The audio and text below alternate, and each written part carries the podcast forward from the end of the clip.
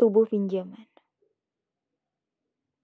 Tubuh yang mulai akrab dengan saya ini sebenarnya mayat. Yang saya pinjam dari seorang korban tak dikenal yang tergeletak di pinggir jalan.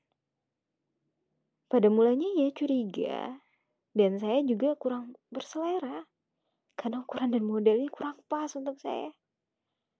Tapi lama-lama kami bisa saling menyesuaikan diri dan dapat memahami kekurangan serta kelebihan kami.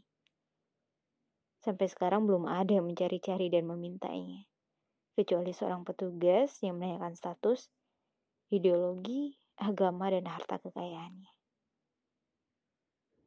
Tubuh yang mulai manja dengan saya ini, saya pinjam dari seorang bayi yang dibuang di sebuah halte oleh perempuan yang melahirkannya dan tidak jelas siapa ayahnya.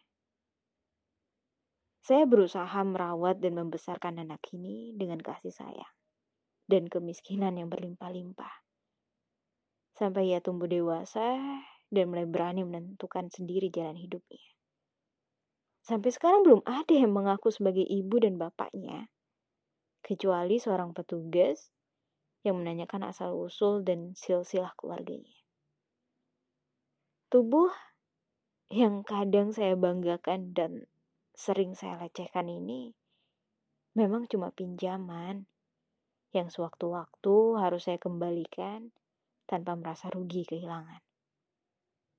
Pada saatnya, saya harus ikhlas menyerahkannya kepada seseorang yang mengaku sebagai keluarga atau kerabatnya, atau yang merasa telah melahirkannya tanpa minta balas jasa atas segala jeripayah dan pengorbanan.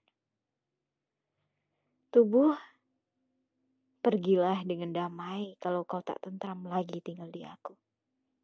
Pergilah dengan santai saat aku sedang sangat mencintaimu. Joko Pinurbo